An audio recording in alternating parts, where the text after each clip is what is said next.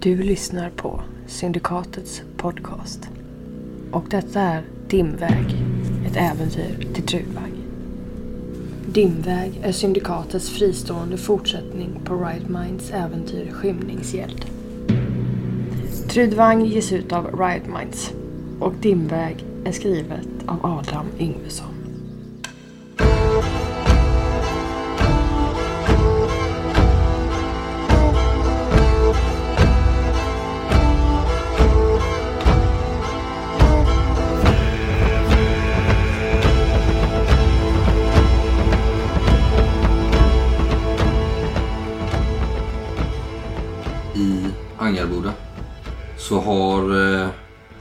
Tretand tillsammans med ditt anhang, fast ni kanske inte har gått dit tillsammans, gått till eh, Borggården den här sena kvällen.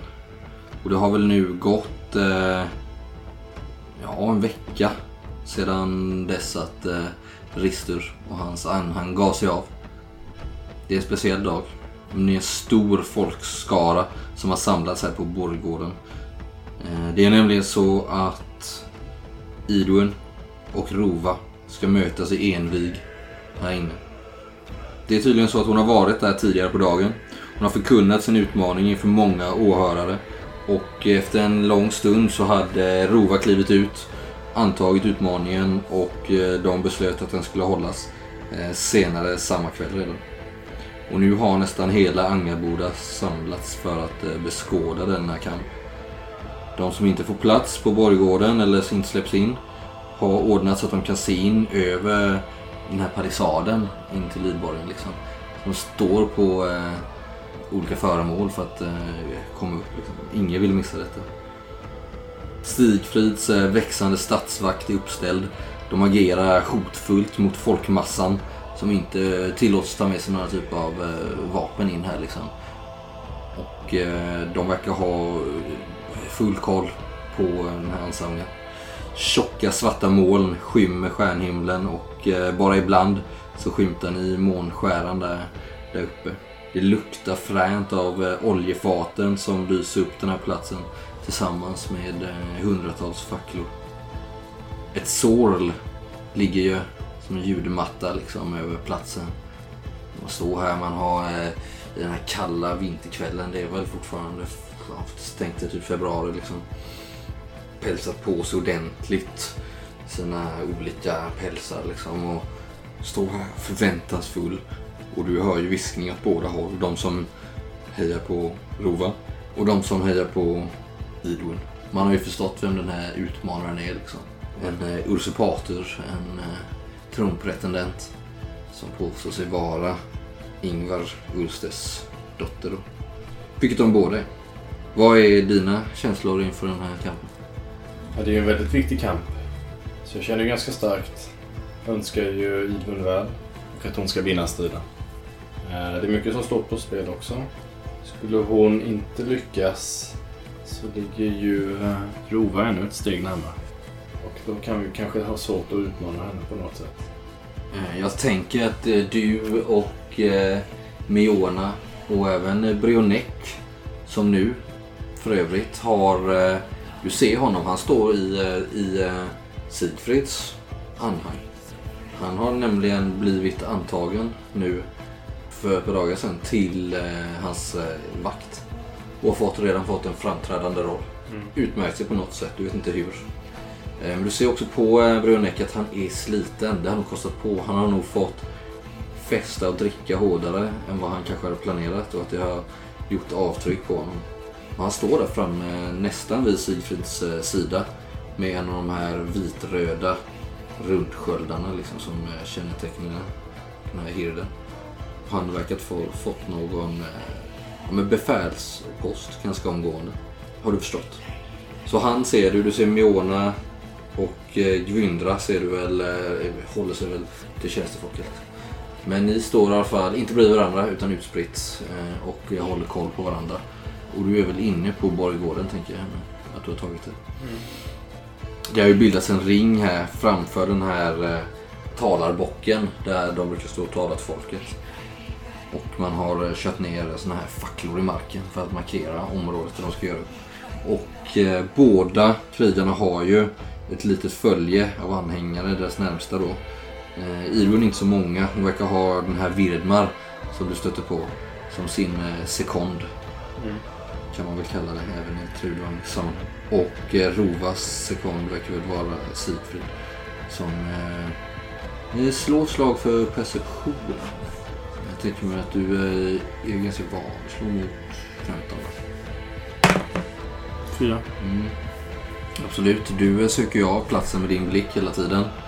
Som en ödla liksom. Och du ser att Sifrid utbringar någon skål där. Med eh, Rova och eh, vissa i lydrådet. Eh, och lycka all, henne all välgång liksom. En sån här stridsskål som är brukligt i flera kulturer runt om i tron. Som de tömmer en bägare där liksom. Men lite för sig själv. Liksom. Och sen ser du ju hur de här båda krigarna tar plats liksom i varsin ände av den här ringen.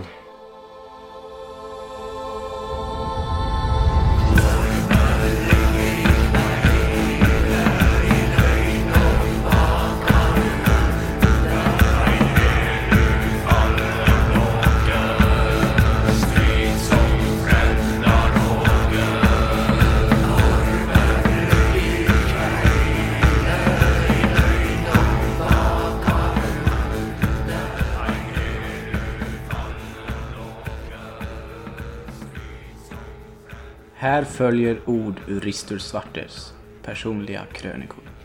Tunkur. Detta är sanna mina ord en säregen plats. Här bor de mytomspunna järntämjarna, helt isolerat och avskilt, högt uppe på en svåråtkomlig bergstopp i Jarngardskilen. Här har tiden stått stilla sedan de första invånarna, de som tjänade min förfader, slog ner sina bopålar här. Detta folk är enkelt, för att inte säga primitivt. De bor i små runda hus med stengrund och spetsiga tjocka halmtak som är sneda, vinda och raggiga av väder och vind. Det ser faktiskt snarare ut som hyddor än hus.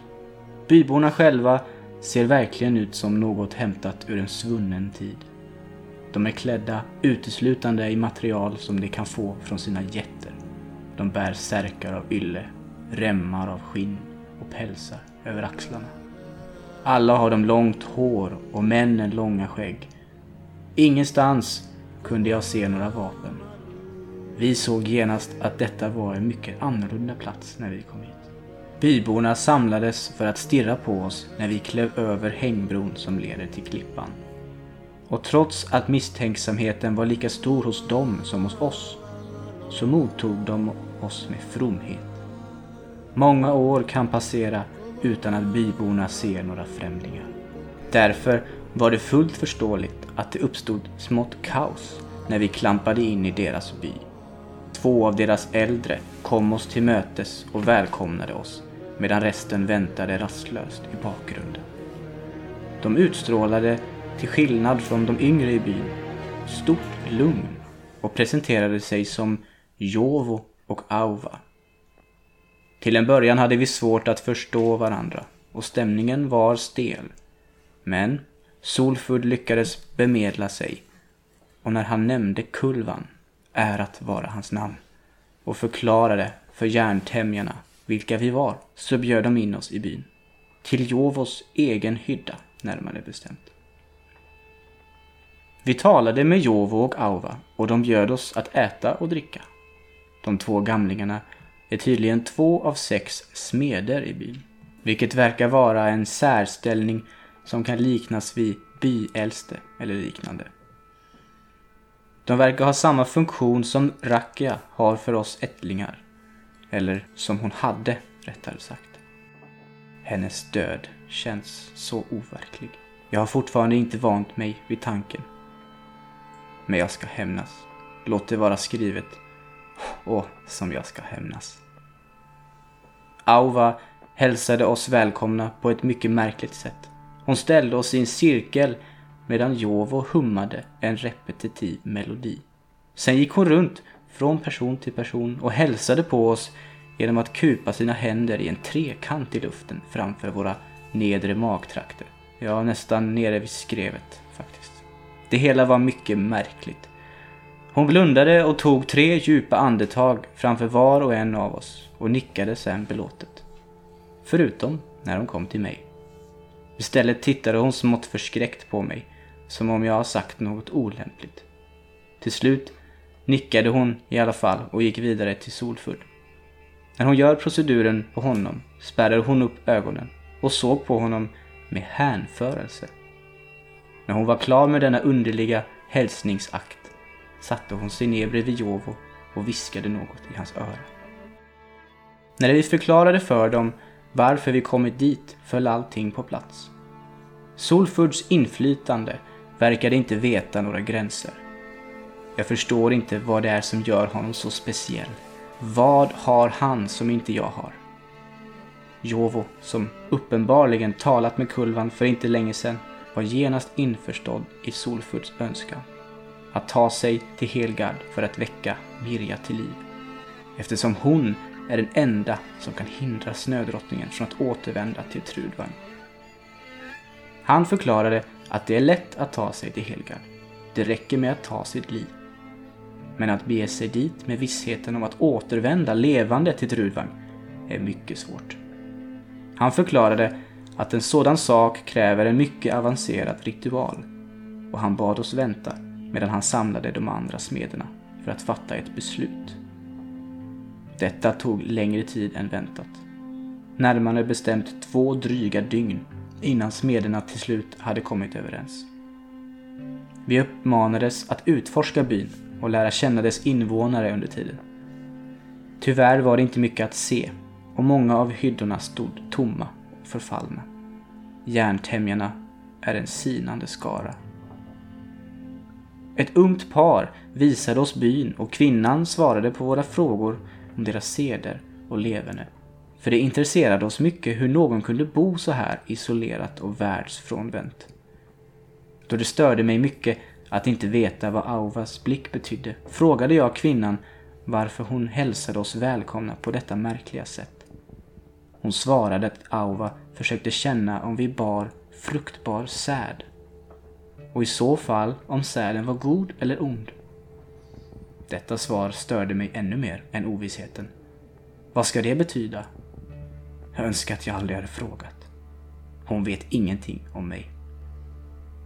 Förutom hyddorna fanns inte mycket av intresse här. Förutom en källa som rinner rakt ur marken på ett ställe. Källan har närmast religiös betydelse för järntämjarna och de besöker den dagligen för att visa sin tacksamhet gentemot den. Den ger dem friskt vatten och längre ner i berget finns det också fisk att fånga. I anslutning till källan finns några tomma ställningar som ser ut att vara till för att spänna upp fisk, djurhudar och liknande. Och här och var bland hyddorna ligger några jordkällare utspridda.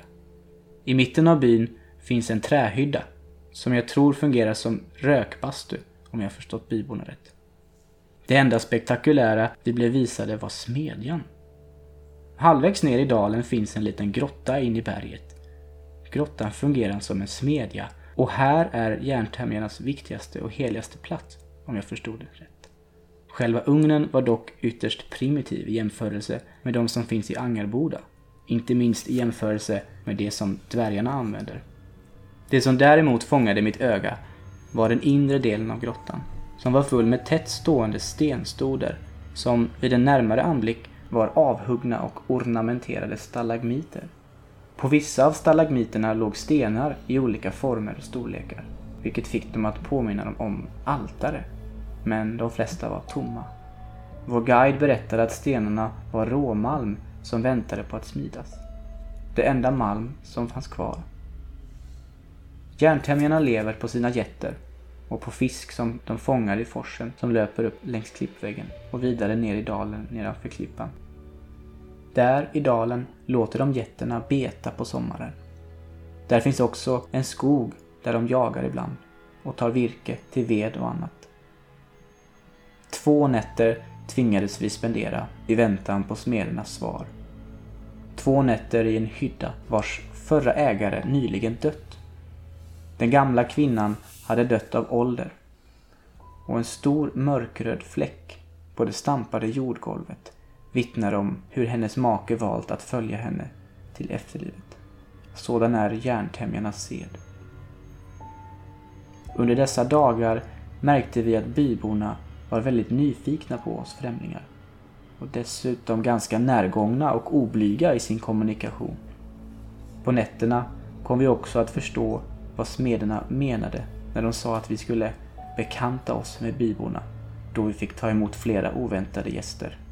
Vissa av oss gillade inte detta, men järntämjarna är som sagt ett sinande folk.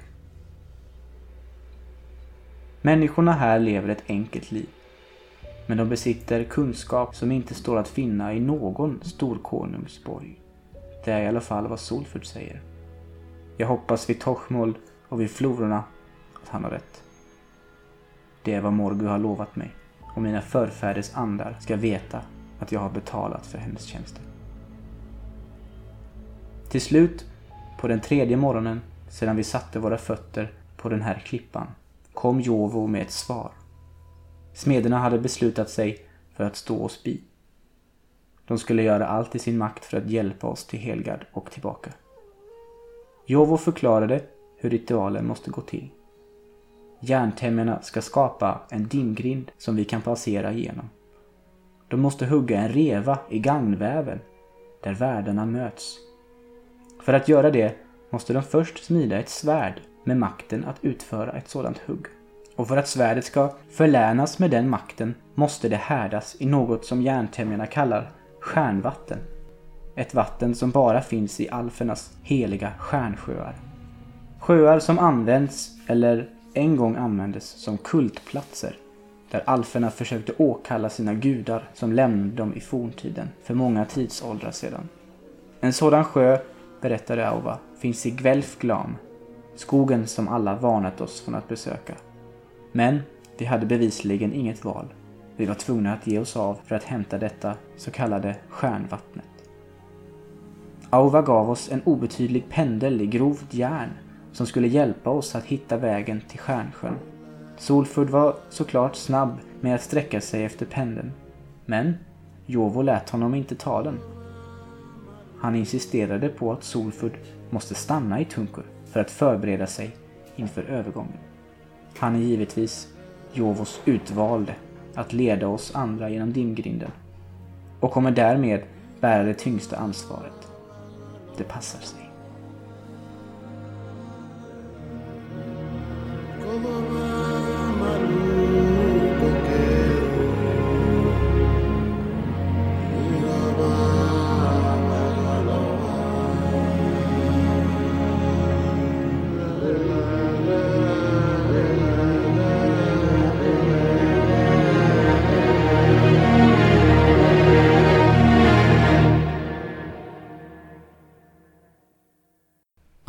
Alltså Risturs ord om eh, vad som hände när rollpersonerna kom till Tunkur. Och anledningen till att ni fick höra det, kära lyssnare, är att eh, vi var med om ett missöde där ett helt eh, spelmöte försvann. Det är så det har gått till. Våra hjältar har varit ute på lite äventyr som vi förhoppningsvis kommer få berättade här framöver. Jag tänker att vi börjar med Brock, som blev kvar, som aldrig kom upp till Tunkur. Vad gör du just nu? Du har suttit där i tio dagar, det jag har ju suttit här blåser. stort sett själv nu i, i tio dagar. Eh, Som tur är så, jag hade inte så mycket proviant med mig. Som tur är så hittade jag en liten grotta. Med, som jag hittade lite, lite god gråsvamp i. Som vi kallar det våra dvärgar. Och Mm. som jag rostat då. Väldigt stolt. Har du inrett lilla dvärggrytet? Är du bosatt där nu? Nej men det finns inget dvärggryt på ytan. Ja, nu gör det ju uppenbarligen det. Nej. Men hur kommer det sig att eh, du eh, blev kvar då? För rollpersonerna, för lyssnarna kan ju vara kul att veta att de har ju faktiskt passerat här men då var ju ni borta. Ja, kom vi hit. var ju borta för att vi hade, hade eh, en, eh, en liten dam med mig här som det kallas. De kallas de här människorna. Nola då Det finns ju både vägvisare. damer och herrar tydligen. Nola. Och eh, hon blev ju... Råkade ut för lite missöde så att det var inte så bra. Det var inte ditt fel va? Nej, det var inte mitt fel. Det var ett trollöverfall va? Mm. Så tvingar, Det var en er, herrans massa troll. så tvingar er söderut. Mm. Till och med övermäktig för mig, Brock. Och Nola blev eh, skadad och Mm. bestämde sig för att resa söderut igen. Kanske Ja. tillbaks till Hackaskydd eller Det var något. ju ganska skönt för oss båda känner jag. Ja. Så hundarna, hundslädarna, det är ju ett minne blott nu. Ja, Men det är ett senare problem hur ni ska ta er härifrån. Liksom. Mm. För ni är ju högt upp i eh, bergen nu, liksom, i Yangangshi. nedförsbacke när vi ska tillbaka sen. Men eh, det var ju så att Atli var så pass framsynt, eller vad säger man? Att han hade förståndet och eh, ristade du in eller målade du? Nej, jag målade med kol tror Ja, jag. Just det. På På- en sten som var där i Ja, något närheten av lägerplatsen. Och den har ju du, det har ju du sett Brock med dina, med dina plus fyra i ja, vaksamhet eller vad det heter. Det var ju dvärgrunor. ja. Så Så det var det- skrivit Welfglan bara. Det är därför jag har suttit där och väntat. Jag förstår att de ska komma tillbaka så småningom. Förhoppningsvis. Det kanske var mer en, en uppmaning att följa efter. Ja, men det... Nej. Men du gjorde nog rätt där eh, Brock som stannade. För när du suttit här i tio dagar och bara ätit rostad gråsvamp. I den här lilla grottan du har hittat. Så eh, tycker du dig höra i, eh, i det här eh, i vinden liksom. Eh, vad som först kanske låter som Ja, du vet inte vad liksom. Du hör ljud bara först och sen hör du att det är röster. Så du skyndar ut ur din eh, lilla grotta där. Och eh, plirar med dina smala ögon, ögon ut över de här sluttande bergs... Det är Marken. väldigt snöigt och... Ja, det är mitt i vintern. Ja. Jag, säga, måste, jag måste se extremt dåligt i, det här, i de här Mm, förutsättningarna. men du ser ju ändå bättre än många andra eftersom du har så bra syn. Ja, men jag tänkte att det är väldigt ljust. Ja, det är väldigt ljust. Men du ser ändå, du kan urskilja tre silhuetter i den här snö, snöyran, snöstormen. Och eh, du är ju lite orolig att de ska passera förbi dig här nu för de är ju på väg upp mot eh, baslägret ser det ut som. Det ligger ju en bit bort från eh, den här platsen du hittat eh, din, eh, din grotta. Så du, ser, du känner ju känner nog igen silhuetterna kanske också. På storlek och kroppsbyggnad liksom. Ta mitt spjut och fäst lite tygstycke på det och vifta. Hoppas att de ser mig. Får ni slå ett slag för perception. Ja. Nio va? Nej. Ravan går och tittar upp, upp mot berget istället. Drömskt som vanligt. 20. Nej men Atli, du, du ser ju... Eh, Jag är viftar van att lite. hålla utkik efter dvärgar. Mm. Men eh, du Risto tror inte att det är något. Du kanske till och med vill avfärda det där liksom. Men det där är nog inget. Nej. Det är snöblink. Ser jag att det är han eller? Eller ser jag bara en dvärg med en flagga? Eller? Mm, du säger väl, först är det nog bara att eh, om du ens ser att det är en dvärg. Men du ser en figur med en tygbit på spjut. Ristur! Ravan. Ja. Jag har Jag någonting- tror att jag skådar en liten dvärg med mitt norra öga. Kan det vara Brock som står där borta? Nej. Va? Nej, det där är bara någon... Det är ju stenen. Men nu när han, Ja, nu när han pekar jag- ut fan, det så kan slå ett nytt slag. Du får inte slå igen Risto. Men Ravan du kan slå en gång till. Nej! Fumla också. Nu, stenen. nu Ja, tror jag det har jag, blivit... jag De andra- springer helt ja, enkelt. ni- Jag kan väl tänka mig att till slut så hör ni liksom... Ja, det kan ju vara. Båda ni tror, två tror jag tycker mycket väl att dra dem. Ja, men jag, jag- jag pulsar Vad gör du? nerför, eller uppför. Jag vet inte vilket håll det var. Kom tillbaka. I snön. Det är väl på samma nivå ungefär Mot tänker jag. min blodsbroder Brock. Ja. Är jag liksom ovanför dem eller nedanför? Ja, ni, nu är ni på samma nivå. Hade de fortsatt så hade du nog missat dem. Finns det Liksom. någon slags sluttning här eller? Ja, sen eh, tar det ju inte till dem tyvärr. Nej, okej. Så du får nog springa lite. Och du Är är det ju- du Brock? Jag spänner min eh, båge då. Ja. Ni andra får... Det kan ju vara fälla det här tänker ni. Mm, ja, jag är jag som rister, spänner bågen och Jag stränga, börjar bågen. pulsa där i snön. Det är djup snö eller? Ja, jag försöker pulsa lite grann. Ta lite fart sådär. Så slänger jag fram skölden och hoppar upp på den och glider framåt. Ja, du, du kommer ju inte många meter tyvärr. Och du är nästan orolig att du ska börja glida ner för slänten här liksom. Ja. Det hade ju varit förödande. Mm. Men nu när du kommer närmare så ser du att det är Brockatli. Om inte annat eh, av vad han håller på med. Mm. Den där öltunnan verkar ju vara slut. Kanske fått något delirium här nu, Ja. tänker du. Hallå! Det är ju det är Brock ju! det är jag Brock. Ja, men jag hjälper honom pulsa upp till de andra. Eller pulsa vidare. Ja. Ja, nu, eh, börjar, nu ser ni också till slut att det mycket riktigt är er eh, reskamrat Brock. Det är jag Brock. Lever du? Va? Klart jag lever. Äntligen är vi återförenade va- Brock. Var har du varit någonstans? Dunkar honom i nacken. Ja. gånger. Ni ser att han ser medtagen ut, lite stirrig i blicken och eh, kanske lite insjunkna kinder nu. Han har Ja. varit eh, undernärd här ganska länge. Är du nykter? Va? Jag har, lite, har jag någon mat med mig fortfarande? Har vi ätit upp allt? Ja, ni har, finns det- li- ni har eh, ransonerat ganska smart så ni har lite provianten. Det tog inte sådär jättelång tid klar med dagen som ni Nej. eh, var lite oroliga för. Nej, men jag börjar lägga fram lite käk åt han stackaren. Ja.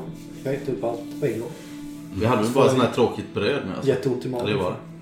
Mm, just det. Ljungkakor och Så var det. Det är det vi har. Ja, ja, ja. getkött. Det får räcka. Vi har ju varit i Tunkur Ja. och eh, bland alferna.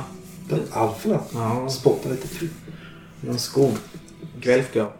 Skönt att se att du är i livet. Brock. Ja. Vi fruktade det värsta när vi kom över lägerplatsen senast.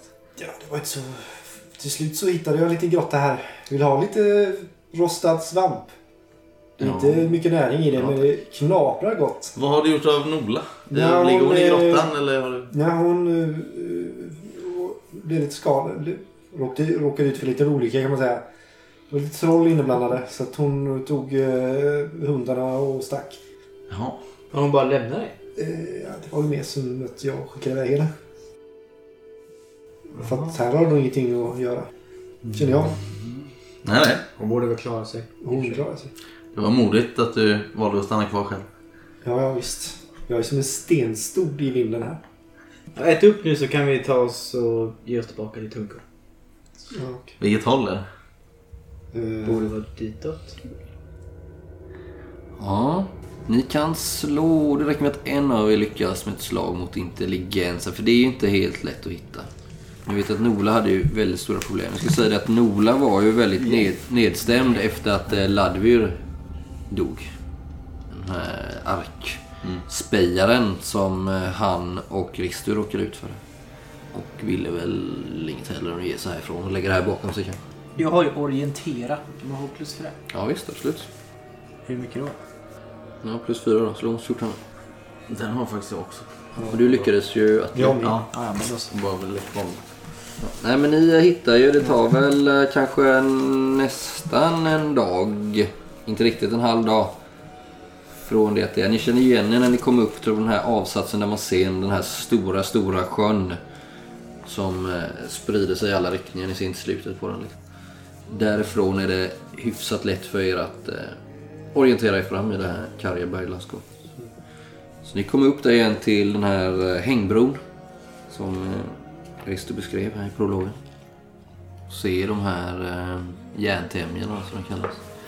Inbegripna i sina dagliga sysslor. Nu är det ju kvällning här. Solfull ser ni inte till. Men jag kanske, när, när vi liksom var på väg upp där, har förklarat lite för, eh, för Brock om att de kan vara lite närgångna och sådär. Mm. Alltså inte på nätterna, utan att de kommer fram och vill ta hans jävla grejer. Va? Titta på hans skägg och rustning och sådär. Ja. Atli, Ja. Bara fösa bort. det här huvudet som Just du tog. det, ja. Har du lämnat det i Tunkur eller har du det med dig? Nej, jag har nog släpat med det, antar jag. Jag kan tänka mig att det sprider en viss Ja. stank. Alltså, äh, trots kylan så är ju förruttningsprocessen igång där liksom. Mm.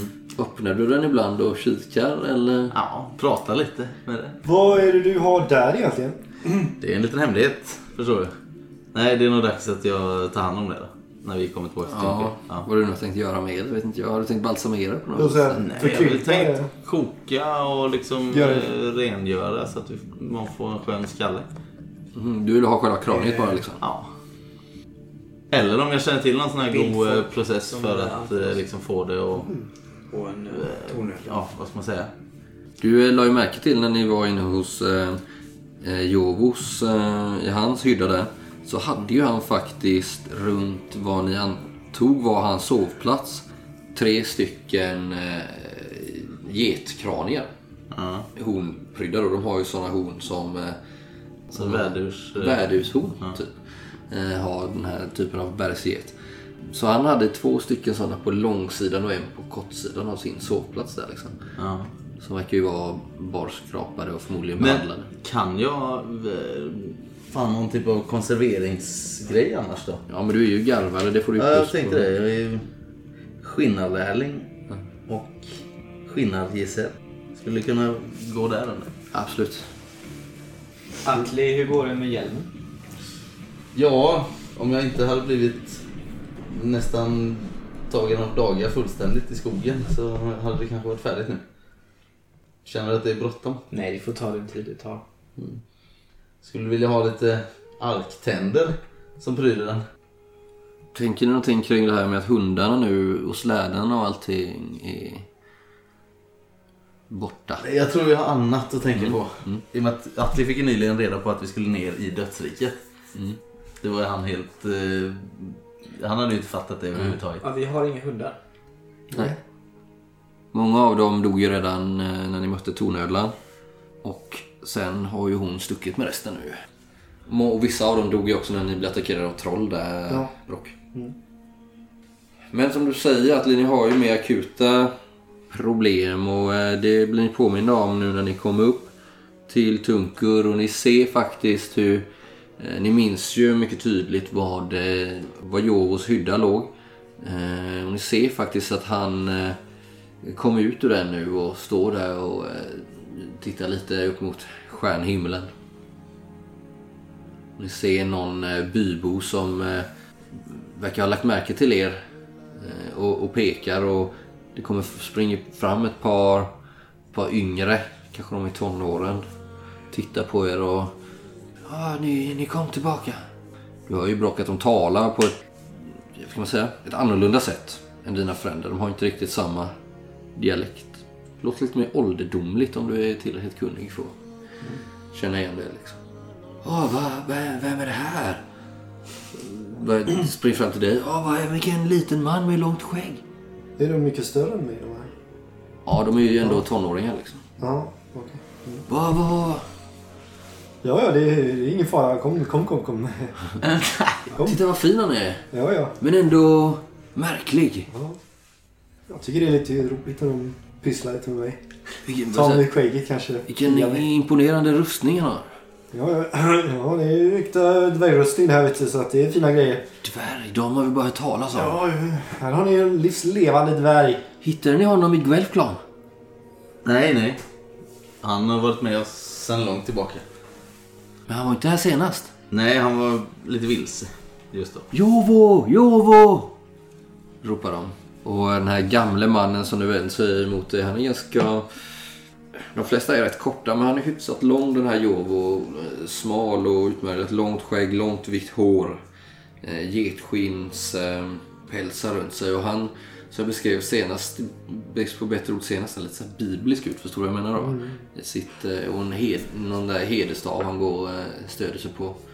Utstrålar ju... Vad är han slags, någon slags schaman eller? Ja, du ser inte så mycket amuletter eller sådär på honom. Nej. Som du vet att vissa människor, folk, håller på med. Men eh, ja, han verkar ju vara någon typ av eh, äldste här, byäldste. Ja. Någon typ av ledarfigur skulle du väl tro. På sättet han behandlas och sättet han eh, för sig på här. Ah, ni, ni är då tillbaka. Vi är tillbaka och vi har med oss det vi reste för att hämta. Jag lägger fram en lägen med vatten. Ah. Ja, han sträcker fram eh, sina beniga händer. Du räcker över det. Gott verk av eder. Kom, Vad är Solfull? Hur han länge, är i min, eh, i min hydda. hur lång tid kommer det ta nu innan svärdet kan vara färdigt? Eh, ja, Aova har redan eh, påbörjat smidet. Hon eh, är i smedjan dag och natt och utför sin del av ritualen. Snart är hon, snart är hon färdig. Men eh, hon kommer behöva behandla smidet med stjärnvattnet och jag ska skicka en av de andra smederna att eh, föra vattnet till henne. Innan ritualens sista skede så måste ni också förberedas. Ni måste renas. Vad innebär det? en tvagning. Han eh, nickar bort mot... Eh, ni ser ju den här rökbastun som eh, Rister talar om förut. Nick, Det är en eh, träbyggnad här i byn som skiljer sig lite från de öv- övriga byggnaderna. Annars är det byggt i stengrund och sen eh, stort sånt här halmtak eller byggnaderna här. Men det är någonting som sticker upp. Som att den ser ut att vara delvis under mark liksom.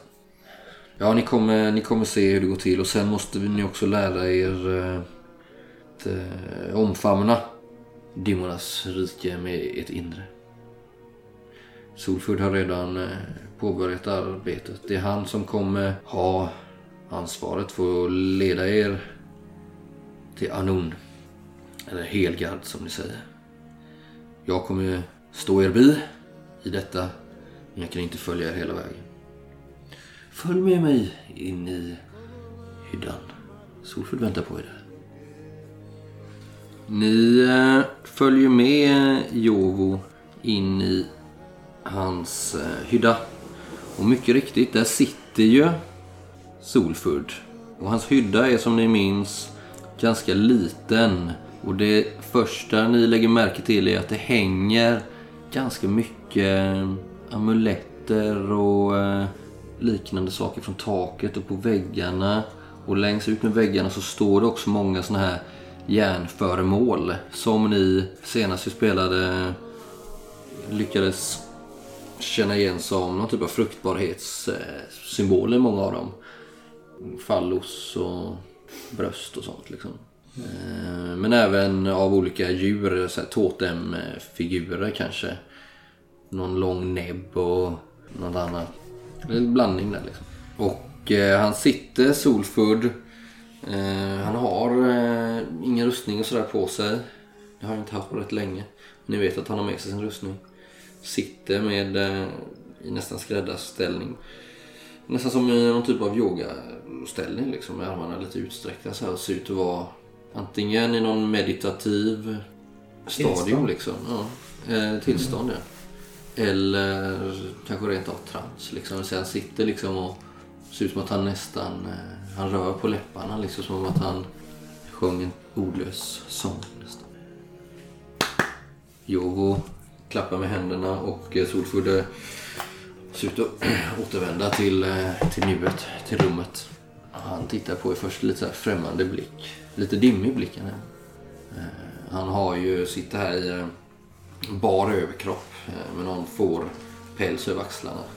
Och ni ser att han har ett ärr här under revbenen som han eh, ådrog sig då när ni var i Angarboda.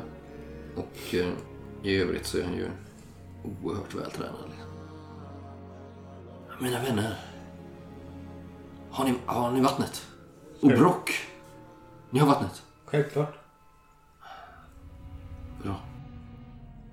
Slå er ner, säger Joe. Sätter sig själv, sjunker ner mjukt och fint och sätter sig där liksom. Helt rak i ryggen så här. Jag slår mig ner. Ja. En, lit, en bit från Solfurt, så lite tveksamt. Lite frusen och skadad så ramlar väl Atli mer eller mindre ner på några mjuka fällar. Börjar knäppa av sig rustningen och kläder och sånt där. Det här är eh, som jag förstår eh, Bruck. Brock. Brock, Om jag får be. säger Joe då. Du är också välkommen in här. Jaha, tack. Vi är tyvärr är vana att bli häcklade. Här ovanför ljudet. Slå dig ner Brock, för Guds gaves skull. Han, eh, Ja, jag han ju tittar suttit, förstående på jag har ju suttit ensam nu i tio dagar uppe eh, i bergen. Uppe på bergen. Till och med. Eh, snöigt och kallt var det. Jag Men förstår. som herrarna var på äventyr. Men det gör mig inget. Men du ska veta Bruck att jag... Eh, Brock. Brock. Att jag förstår dina känslor. Vi har också varit isolerade här. Visserligen i 300 år men jag förstår hur du känner. Och du ska veta att du är bland vänner här. Vi har också känt oss häcklade. Ja. Ni har också varit utan mjöd i tio dagar kanske. Jo, jag tror att vår dvärg här skulle behöva lite mjöd. Eller. Lite mjöd. Har ni no någonting? Ja, vi har ju lite getmjölksvin. Jag är rädd att han inte skulle vara sig själv annars. Ja, vi har som sagt lite getmjölksvin som jag ska kunna ordna. Eh, Det kommer här nu. Det verkar, folk har ju sett att ni har kommit och det är en av de här personerna som ni vet är smeder då. En eh, kvinna i 40-årsåldern. Eh, Långt grått hår har hon och väldigt rynkigt ansikte. Väldigt kort och lite så här haltar nästan fram så. Jo, jo. Låt mig vara till hjälp. Han överräcker den här skinnlägen med stjärnvattnet till henne. Han eh, ger den en eh, välsignande eh, smekning, den här lägen, och överräcker den till henne. Kan du också se till att Brock här får lite getmjölksvin? Ja, jag smakar gärna på det lokala mjölet. Det är alltid intressant. Hon eh, går iväg och ganska snart så kommer det in en annan eh, person. En eh, man i eh, typ 60-årsåldern kanske. Han är också klädd i de här getskinnskläderna och stöder sig på en eh, hederstav liksom. Han har ett, eh, ett krus. En ganska stort krus, eh, lerkrus då. Som han eh, eh överräcker till dig då. Eh, Bruck. Ja, tack, tack, tack. Och sen så eh, ställer Jovo fram lite kåsor där så ni kan hälla upp allihopa. Och eh, också har en liten korg här där han, eh, liksom, har- där han har lite så här ljungkakor och sådant som ni kan eh, äta. Och nu ser ni också eh, den här, hans sängplats eller sovplats. Eh, de här gethuvudena som är där, där kring. Jovo, Ja, skulle vilja be dig om en tjänst. Som inte har med stjärnvatten eller svärd eller under jorden att göra. Plocka fram den här säcken jag har. Ehm, skulle vilja konservera detta på något sätt. en eh, liten rutten stank sprider sig ju här inne i eh, hyddan när Atli öppnar den här säcken. Om du eller någon av eh, byborna här skulle kunna ta hand om det. Bara släpper ner den vid hans, där han sitter. Så får han titta själv. Ja, eh, Skalle, är det är det en släkting? Nej, det skulle man kunna tro. Men det är det inte. Det är tvärtom en fiende Ja. som har jäckat oss under en längre tid. Jag är rädd att vi inte har den typen av besvärjelse här, men hantverket kan vi bistå med. Ja, ja, du behöver inte besvärja någonting. Bara se till att... Ah, jag trodde att du ville ha kontakt med, eh, med henne i efterlivet. Nej, nej. Hantverket kan vi eh, bistå dig med. Jag vet inte hur vi ska hantera er relation. Vi kanske inte kan hjälpa till mycket på den biten. Det går bra ändå. Behöver inte bry dig om någon relation. Vi har mycket att prata om, säger Solfudd. Ja, ni ser att han ser lite omtöcknad ut här liksom. Ni vet ju, han har varit iväg i tio dagar liksom. Han har nog kommit ganska långt in i sin... Vad det nu är han har kommit in i. Jag vill... Jag vill veta... Jag vill veta allt. Hur gick det i Guelph? Jo, vi, vi hade den här pendeln med oss. Den verkade leda oss på rätt spår. Ja, den visade ju vägen till vad vi förstod det som olika helgedomar i, i skogen. Som alverna dyrkade eller har dyrkat. Det var väldigt oklart men... Och på så sätt hittade vi till slut till en, vad vi kallar det, stjärn, stjärnsjö. Inte helt utan svårigheter då. Atli ställer sig upp och visar lite av eh, ärren. Eller ja, det blir inga ärr riktigt än men de bandagerade såren som han har ådragit sig. Det var ju såna här gamla kultplatser ni kom till ju. Som den här pendeln verkade navigera efter liksom. Jag säger det till lyssnarna här bara att det här var ju någonting som vi spelade då som har förlorat material. Liksom. Men eh, det var ju så den här pendeln navigerade. Och redan vid den första kultplatsen så mötte ni motstånd. Det var ett blodbad, Solfull. Redan vid porten till skogen blev vi påflugna första gången. Alferna hade lämnat sovande bästar som väktare med deras eh, kultplats. Det är väl... Eller det var väl... Om jag inte missminner mig alvättlingar eller? Skulderna. Ja. Fågelodjur var det. De såg inte så precis. alfiska ut. De har de här långa spetsiga öronen och det. Ja, De är ju någon typ av väktare, har ni förstått det? För men ni fick slå lite slag på det där med Ja, jag för mig jag, kulturkännedom jag, för mig jag visste exakt vad det var. Mm, Men mm. eh, nu har jag glömt bort. Nej men de är ju någon typ av väktare då. eh, Och alverna ser de väl som någon typ av eh, heliga figurer. Inte gudar men eh, Men det med gudar. ja kan man väl kalla det. Hur som helst, väldigt förskräckliga varelser. Mm. Som vaktade de här helgedomarna som vi var tvungna att gå igenom. Det var inte bara en, hela skogen var ju full av. Ja, varenda... Två var det ju. Himlen var svart av fjädrar och klor. Ja, det var två. Jovo eh, lägger Var det inte fler än två? Jovo lägger pannan i djupa veck och eh, ser bekymrad ut. Och jag har förvildats så mycket. Oh. Mm, ja, de vaktade de här helgedomarna som... Som kompassen visade oss till. Och vi var ju tvungna att gå igenom dem. Och då... Säg mig, dräpte ni skulderna? Eh, vi oskadliggjorde väl en i alla fall. Jag tar fram en annan säck. jag, jag skavar av ett par eh, Klor. klor. Ja. ja, just det. Vänta lite Jo. jag gräver fram eh, ett par Atli, härliga klor. ja, Atli öppnar en ny säck och han eh, ryggar nästan tillbaks lite. Oh. De där... Såg eh, alferna du tog dem med dig? Jag förstår inte varför du skulle vilja ta dem med dig. Det är väl som troféer för Atli. Det är just vad det är. Vad, vad är det du inte förstår? Eller vad? Se på dem.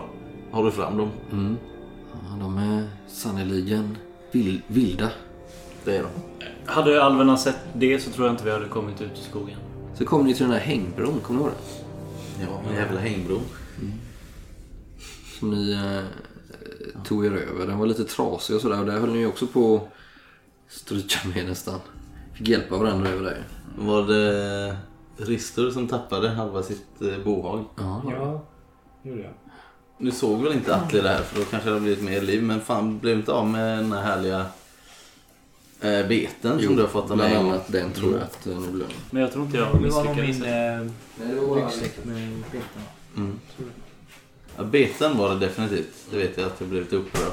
Ja, det förstår jag. Men jag tror inte att Atli har märkt det. Och efter det i alla fall så kom ni till de här stenstoderna som också var någon gammal kultplats förstod ni. Som vi valde att gå runt va? Mm. Ja, Eller men någon av er såg ju något. Du såg ju din syster där till exempel. Ravan, du försvann ju in där och lyssnade inte på oss. Det var en slags trolldom som föll över dig. Ja, det, det Och någon- kan vi väl säga att det var. Såg inte du eh, Rister också någon som eh, släpade en skattkista eller något liknande in i skogen? Jo, det såg jag. Och det var väl det som fick er... Anfallna av skulden andra Ja, för jag tror ni beträdde den här kullen till slut. Och då blir ni ju anfallna av den här lite mer pigga och alerta skulden som blev en lite hårdare strid för er. Men ni lyckades ju nedlägga även den till slut. Sen kom ni till en vild fors. Om ni kommer ihåg det. Där ni såg ett par alfer sitta och fiska. Som har harpuner där. Eh, Men eh, ni trodde inte att de fick syn på er i alla fall. Så ni smög vidare och efter det sen så kom ni till den här stjärnsjön. Mm. Där du Atli fyllde skinnlägeln med vatten. Och sedan återvände ni. Men innan ni gjorde det, ni valde ju eh, ni hade lite olika alternativ där hur ni ville gå tillbaka. Och ni valde ju fågelvägen, den snabbaste vägen liksom. För nu hade ni inte längre hjälp av den här pendeln. Vi kom tillbaka till hängbron Exakt. ganska snabbt. Då satt vi i skiten ordentligt. Då kom ju hela alverna. Alla. Vi blev ju... Ett bakhåll. Precis. Mm. Ja, ni blev omringade på båda sidor. Mm. Och eh, mötte väl deras, vad som verkar vara deras ledare där.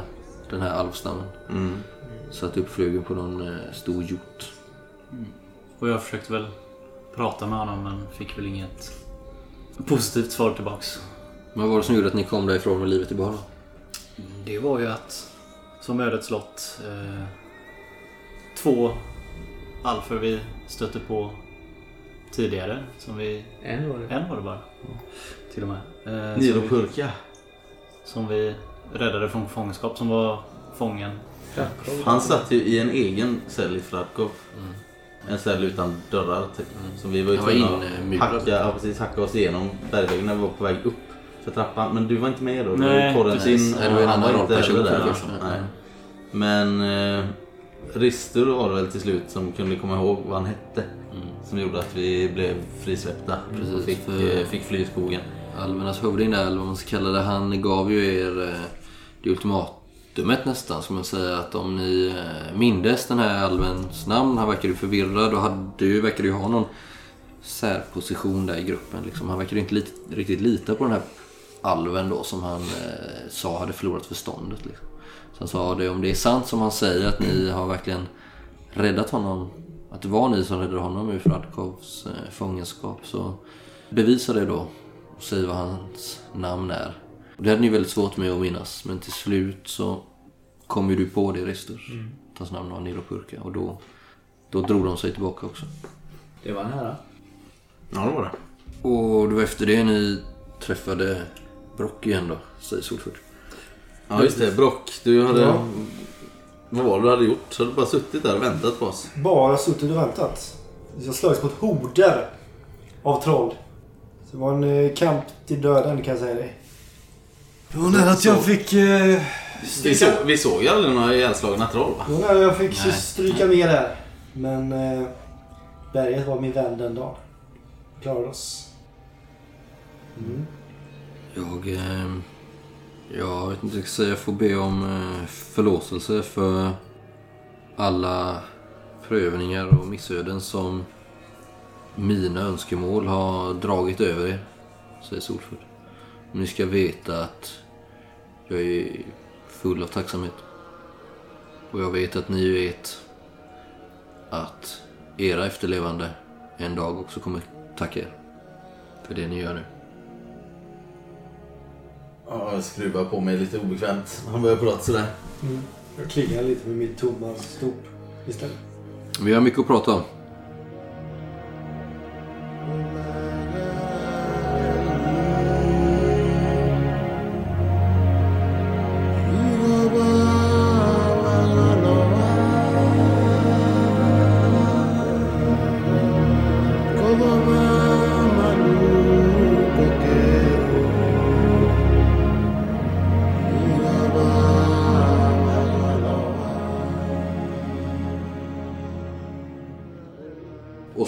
Ser du ju hur de här båda krigarna tar eh, plats liksom i eh, varsin ände av den här ringen. Eh, man har ju röjt undan snö här liksom just på den här platsen så att de inte ska halka runt där. De har förberett under dagen. Du märker ju hur en oerhörd anspänning ligger över platsen. Och det här sorlet från åskådarna det blir allt lägre och lägre tills det är nästan helt tyst. Men Du hör till och med längre bort från hund, hundstallarna liksom ylningar då och då. Du vet ju att de där, de där fjällhundarna liksom som drar släden de har ju en sån oförmåga att yla lite om kvällarna. Det brukar man ju höra men nu hör du verkligen när det blir så här tyst. Båda krigarna är rustade med felförstärkt läder och ringbrynja. Idwins rustning är väl kanske något eh, tyngre. Lite mer otymplig medan eh, Rova verkar ha en verkligen så här skräddarsydd top notch rustning. Väldigt smidig sådan. De får sina vapen tilldelade. Idwin får en eh, ganska grovt, ett ganska grovt bredsvärd och en stridsyxa av eh, Virdmar. Och eh, Rova ett vackert långsvärd med fin ornamentik. Liksom. Du ser ju nästan den här guldinläggen i, i, i alltet. Och en rundsköld med Ulsterklanens symbol, den här röda handen målad på. Och om man jämför krigarna så är väl Rova lång, smärt och ganska atletiskt byggd medan Idwin är eh, visserligen också högrest eh, men grövre ser starkare ut liksom. Så de har lite olika typer av stil överlag. Du ser också hur eh, Idwin har målat sig lite i ansiktet med sån här blå lera som man gör vissa traditioner här i Mittland. Är inte alls ovanligt. I såna i mönster liksom. Som, eh, för att samla kraft från flororna. Tänker du någonting på eh, det här du var med om när du var där senast? Har du tänkt på det de här dagarna som ledde upp till invigningen? Vad var det egentligen som skedde när hon visade den där... Du minns? Isbiten? Mm. Svarta isen. Ehm, jo, visst har han tänkt på att Eh, dessa dagar har han ju funderat väldigt mycket på att ehm, han är också han har också en känsla av att han kanske inte ska dyka in i ett för djupt. Just för den skull att, att han är rädd för att börja trakta efter tronen själv.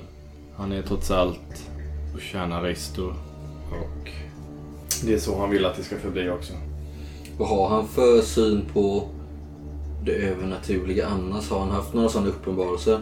Han vet ju vad Rakia kan för häxkonster och sådär liksom. Men har han själv någonsin haft några sådana upplevelser? Inte vad han kan minnas. Eh, visst har han upplevt mycket men det är inte någonting han har tänkt skulle vara övernaturligt. Det är snarare någonting han tänker kanske hade varit en bieffekt av en drog som han eh, fått i sig på något sätt då. Eller något i övrigt som han Den bara... här gången så tänker- vet vi ju att hon inte hade förgiftat någonting. Mm, sant. Han vill inte tänka på det för mycket heller. Och sanning att säga så förnekar han det väl också. När du står i lite i de här tankarna så ser du ändå hur de här krigarna eh, närmar sig varandra och ungefär samtidigt så börjar eh, snön att falla här i, eh, i långsamma stora snöflingor som de ofta gör här i Svartmundor. Du vet att det kommer nog bara tillta.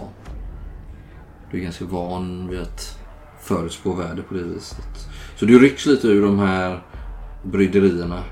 Eh, och inte minst när en hornstöt bortifrån eh, den här eh, talarbocken förkunnar att envigen är startad och direkt så anfaller Idun. Ser du med en eh, aggressiv slagserie. Och du hör ju liksom hur ett larm stiger från publiken. Alltså man plötsligt var knäpptyst innan. Och nu så blir de som tokiga liksom. Du hör ju ja, men verkligen bara vrålar liksom. Folk nästan själva rycks med i detta. Och går, igen, går igång genast Idun med en väldig kraft. Dock så ser du ju hur Rova smidigt och lätt bara glider undan de här attackerna. Knappt utan att behöva använda skölden ens. Och så där börjar de dansa runt och det är ganska tydligt att det är Idwin som är den aggressivare. Du ser ändå så här hur hatet brinner i bådas ögon. Och du kanske känner igen det där själv någonstans ifrån. Liksom. Du har varit liknande situationer. Men det här är verkligen personligt och de önskar verkligen livet ur varandra. Eh, men de har väldigt olika tekniker. Du ser ju båda är skolade i den mittländska vapenkonsten. Men Irwin är ju mycket mer av en slugger.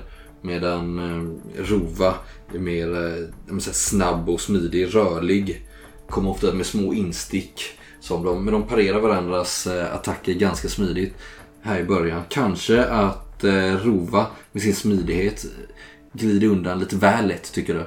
Och att hon kanske ser ut att ha övertaget. Nu ska du, eh, Rickard, få eh, slå för Idun. Eftersom eh, du har ändå sagt att Tretand är på hennes sida. Så du ska få slå eh, för Idun. Och jag då för Rova. Så får vi avgöra hur den här envigen slutar. Ingen press. Och det är ju du som är den anfallande parten här då. Eller Idun är det. Så hur vill du göra? Om du vill avgöra hela envigen på ett enda tärningsslag så måste du slå tre eller lägre. För att eh, så pass svårt är det ändå. Om du bara vill få in första träffen, första blodvite, så räcker det med att du slår eh, nio. Eh, om du bara vill vinna övertaget så kanske du kan slå mot eh, 13. Vi kan väl ehm, börja med övertaget.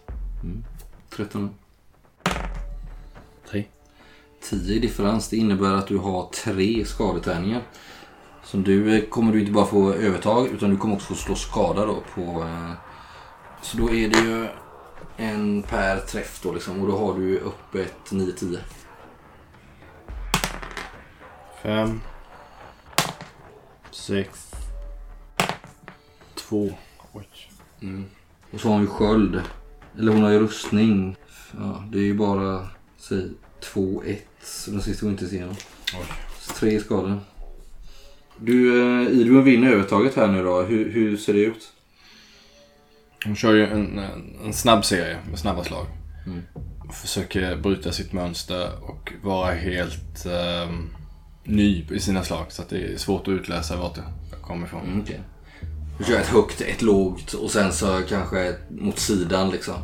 Och det gör att eh, Rovas, eh, som har läst Idun ganska bra innan, inte riktigt vet var hon ska sätta nästa steg. Nästan snubbla till lite på stället här. Och eh, Idun får in ett hugg eh, runt magtrakten som faktiskt går igenom eh, rustningen och man ser hur striden stannar upp lite eh, här nu när Idun fått första, första blodvite. Liksom. Men eh, det är ju inte så invigen det ska gå till. Den ska ju, den ska ju utkämpas till slutet liksom. Är det sagt. Mm, nästa slag. Samma där nu. Om du vill avsluta hela striden så kan vi höja den nu till fem.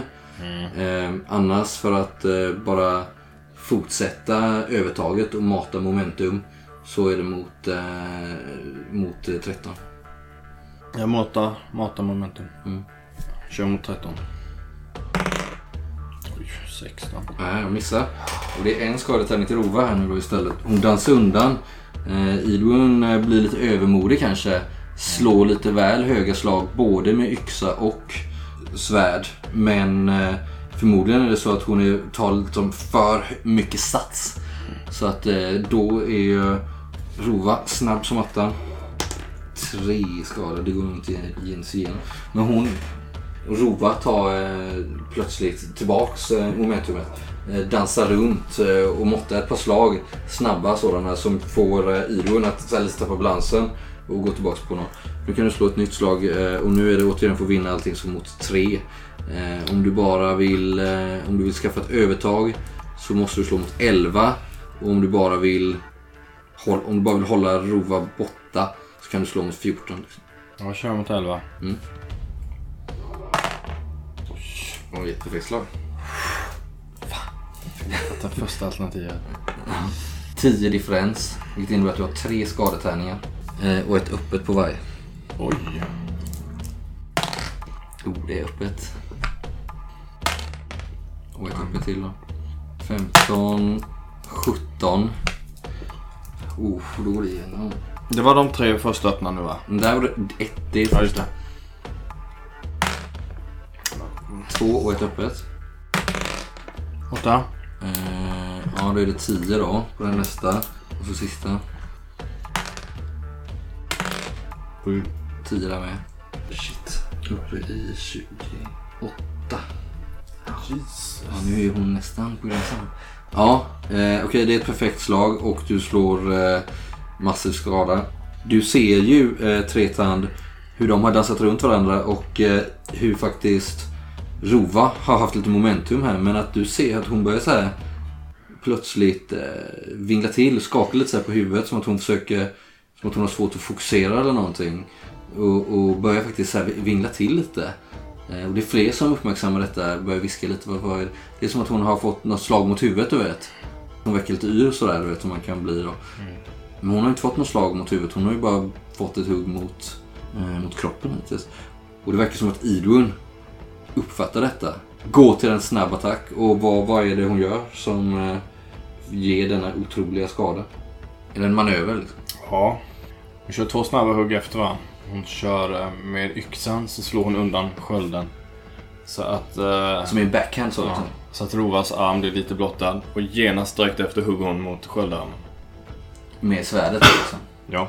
Ja, så, och där då blottar hon sig och du ser ju samtidigt som de gör det så tappar Rova balansen, tappar även skölden. Får ju ett djupt hugg in i sin eh, sköldarm, den vänstra då liksom. Och vad gör Idun då? Snabbt så breder hon ut vapnen och sen hugger hon mot Rova i sidorna. Varsitt håll samtidigt. Vilket gör att hon förmodligen bara kan parera ett av dem. Just det. Så hon kliver liksom fram med full kraft när hon har eh, Rova väldigt så här svajig. Och hon försöker, hon har tappat skölden, hugger i vänsterarmen, slår upp eh, högerarmen i en ren reflex och liksom blocka hugget med eh, yxan. Men istället så kommer ju bredsvärdet och borras in igen i, i glipan på rustningen här över sidan. Och liksom, ja, ett djupt sår. Som gör att Ido till och med får liksom dra ut svärdet ur henne. Och eh, ni ser hur eh, Rova faller ihop på marken. Eh, rent speltekniskt så har hon bara ett par KP kvar liksom. Hon ligger där. Idmund tar ett par steg tillbaka. Går runt liksom, tittar på publiken. Hon inser själv vad hon har åstadkommit. Rova är ju nere för räkning. Eh, Rova ligger på marken, spottar blod. Snön faller och den färgas ju röd. Och det här klara blodet som eh, kommer ur Rovas mun. Hon stapplande försöker hon eh, ta sig fram på knä mot skölden. Men Ewan springer fram och sparkar undan skölden. Så här, lite förnedrande så går hon mot folkmassan så här, och eh, viglar upp dem så att säga. Och man hör ju ett otroligt larm. Och det är folk som skriker om nåd men det är också folk som skriker att hon bara ska gå fram och avsluta henne liksom. Eh, och du eh, lägger märke till nu också att eh, Sigfrid har tagit plats vid eh, den här eh, talarbocken istället. Står inte kvar i eh, ringhörnan så att säga. Eh, du ser ju hur han eh, pratar med sina närmsta där, sina vakter och sådär liksom. Rova tar sig på fötter med stappliga ben. Verkar ganska borta liksom. Och eh, Idun går fram till henne. Sätter liksom bara foten mot hennes axel. Och sparkar ifrån så att eh, Rova landar på rygg. Det blir knäpptyst. Och hon liksom tittar Idun mot publiken så här segervisst. Går fram för att eh, göra slut på Rova. Då hör ni en eh, hornstöt. Från talarbaken. Sigfrid skickar fram sina vakter. Som eh, springer in i det här området. Eh, drar undan Rova. Och eh, slår eh, Idun till marken. Fem, sex stycken som eh, övermannar henne. Hon skriker ju i vansinne liksom. Virdmar försöker springa in och göra någonting åt saken men han, han blir också slagen till marken. Hela Sifrids vaktstyrka kommer in här nu. Börjar liksom nästan attackera folkmassan som är helt tokig här. Eh, och folk skriker det ena okvädningsordet efter det andra. Det här är ju en stor hedersförlust liksom. Men den här väl eh, förberedda vaktstyrkan verkar ju inte ha några problem att skingra folkmassan som är obeväpnad. Och ah, liksom trycka dem ut ur, eh, från borggården. Du själv kanske mottar få något slag där liksom. Och det verkar som att eh, man eh, tar Rova eh, i säkerhet. Skickar ett par helare till henne liksom. Medan Idun verkar bli tagen till fånga. Och den här Virmar Virdmar lämnas på borggården liksom nedslagen där bara. Folket skingras. Ni blir utkörda i staden och du hör ju folk är ju så tokiga liksom. Det här är det värsta de har sett. Vad är dina tankar?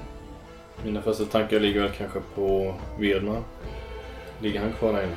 Ja men han tar sig väl upp stapplande där. De sparkar väl ut honom. Någon ler i gatan. Mina tankar är att försöka få tag i honom och eh, även hitta min vän Miona. Se, Mm. Ni har väl någon uppsamlingsplats där utanför? ja.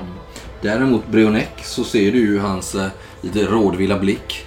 Men han följer ju med Sigfrid in i lydborgen liksom. Mm. Han eh, har ju antagit roll som eh, ja, insider så att säga. Ifrån insidan nu av lydborgen.